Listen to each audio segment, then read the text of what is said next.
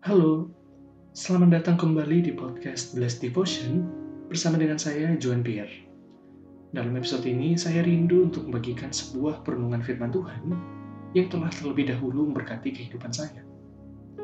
Perenungan ini diambil dari Injil Matius, pasal 25, ayat 14-30. Namun kita hanya akan membaca ayat 14-23. Perumpamaan tentang talenta. Sebab hal kerajaan sorga sama seperti seorang yang mau bepergian ke luar negeri, yang memanggil hamba-hambanya dan mempercayakan hartanya kepada mereka. Yang seorang diberikannya lima talenta, yang seorang lagi diberikan dua, dan yang seorang lagi satu. Masing-masing menurut kesanggupannya. Lalu ia berangkat. Segera pergilah hamba yang menerima lima talenta itu. Ia menjalankan uang itu lalu memperoleh laba lima talenta.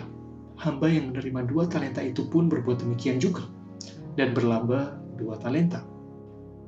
Tetapi hamba yang menerima satu talenta itu pergi dan menggali lubang di dalam tanah, lalu menyembunyikan uang tuannya.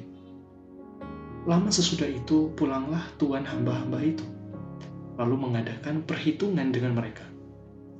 Hamba yang menerima lima talenta itu datang, dan ia membawa laba lima talenta.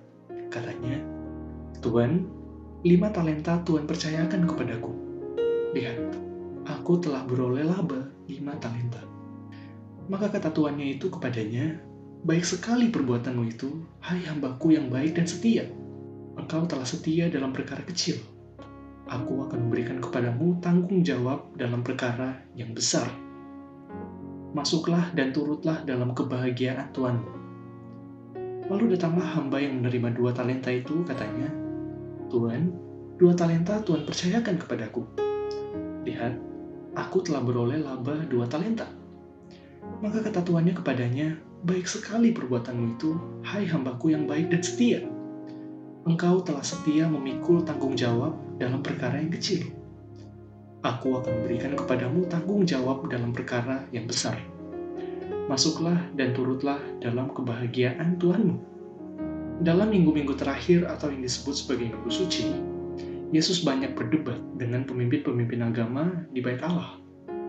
Selain itu, Yesus juga banyak memberikan nasihat serta peringatan kepada murid-muridnya untuk mempersiapkan mereka menghadapi hal-hal yang akan terjadi, yaitu kematian, kebangkitan, serta kenaikan Yesus. Dalam pengajarannya, Yesus banyak menceritakan perumpamaan-perumpamaan tentang bagaimana dan mengapa para murid harus berjaga-jaga. Terdapat empat perumpamaan, dan perumpamaan tentang talenta ini adalah perumpamaan yang keempat dan yang terakhir.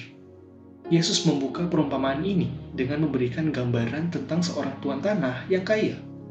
Ketika seorang tuan tanah hendak bepergian untuk tujuan bisnis ataupun tujuan pribadi, tuan tanah itu sering kali mempercayakan harta benda dan urusannya kepada hamba-hamba yang ia percaya. Kemudian sang tuan itu membagikan talenta kepada para hambanya, masing-masing sesuai dengan kesanggupannya. Ada yang menerima lima, ada yang dua, dan ada yang hanya satu. Jumlah total talenta yang Tuhan itu berikan adalah delapan. Dan jika kita konversikan nilai dari delapan talenta itu ke dalam nilai sekarang, maka delapan talenta itu hampir setara dengan 2 juta dolar. Setelah menerima talenta itu, hamba yang pertama dan yang kedua yang menerima lima dan dua talenta itu langsung menjalankan uang itu dan memperoleh keuntungan dari jumlah yang dipercayakan kepadanya.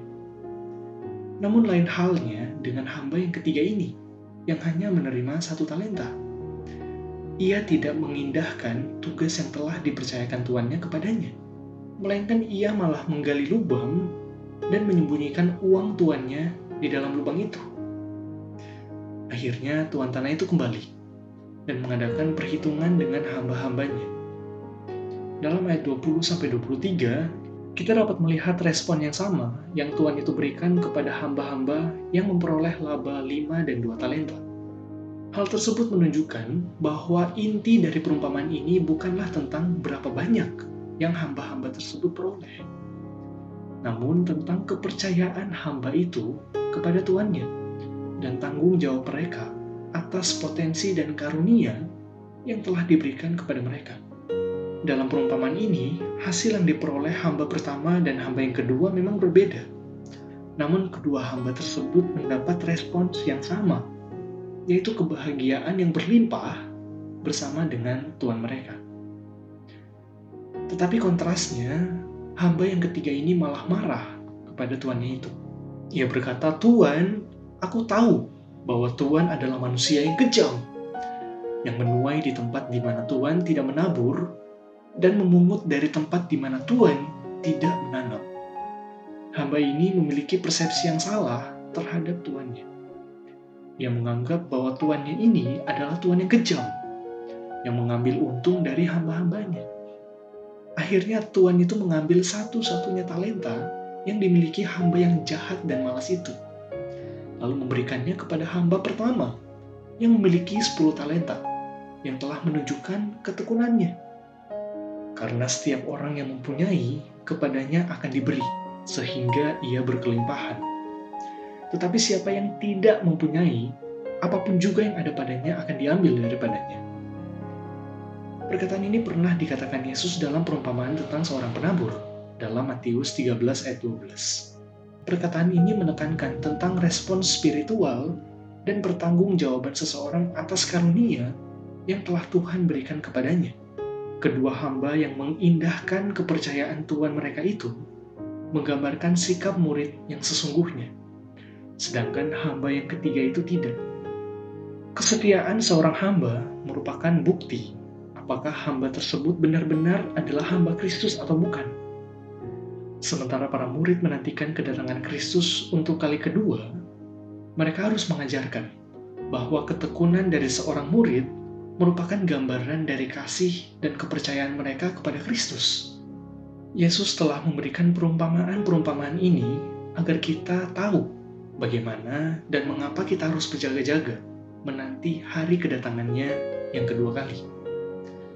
Melalui perumpamaan ini, Tuhan Yesus menunjukkan bahwa jika kita mengenal Tuhan dengan benar, maka kita akan mengetahui apa yang Tuhan kehendaki agar kita lakukan. Sama seperti dua hamba yang baik itu. 1 Korintus 12 ayat 7 Tetapi kepada tiap-tiap orang dikaruniakan penyataan roh untuk kepentingan bersama. Tuhan memberikan kepada masing-masing orang talenta dan karunia yang berbeda-beda. Dan Tuhan menghendaki kita untuk menggunakan talenta dan karunia itu untuk memuliakan Dia. Bukan masalah seberapa banyak hal yang kita peroleh, tetapi ketekunan yang ditunjukkan melalui tanggung jawab kita terhadap karunia yang telah diberikan kepada kita. Terpujilah Tuhan dari selama-lamanya sampai selama-lamanya. Tuhan Yesus memberkati Solideo Gloria.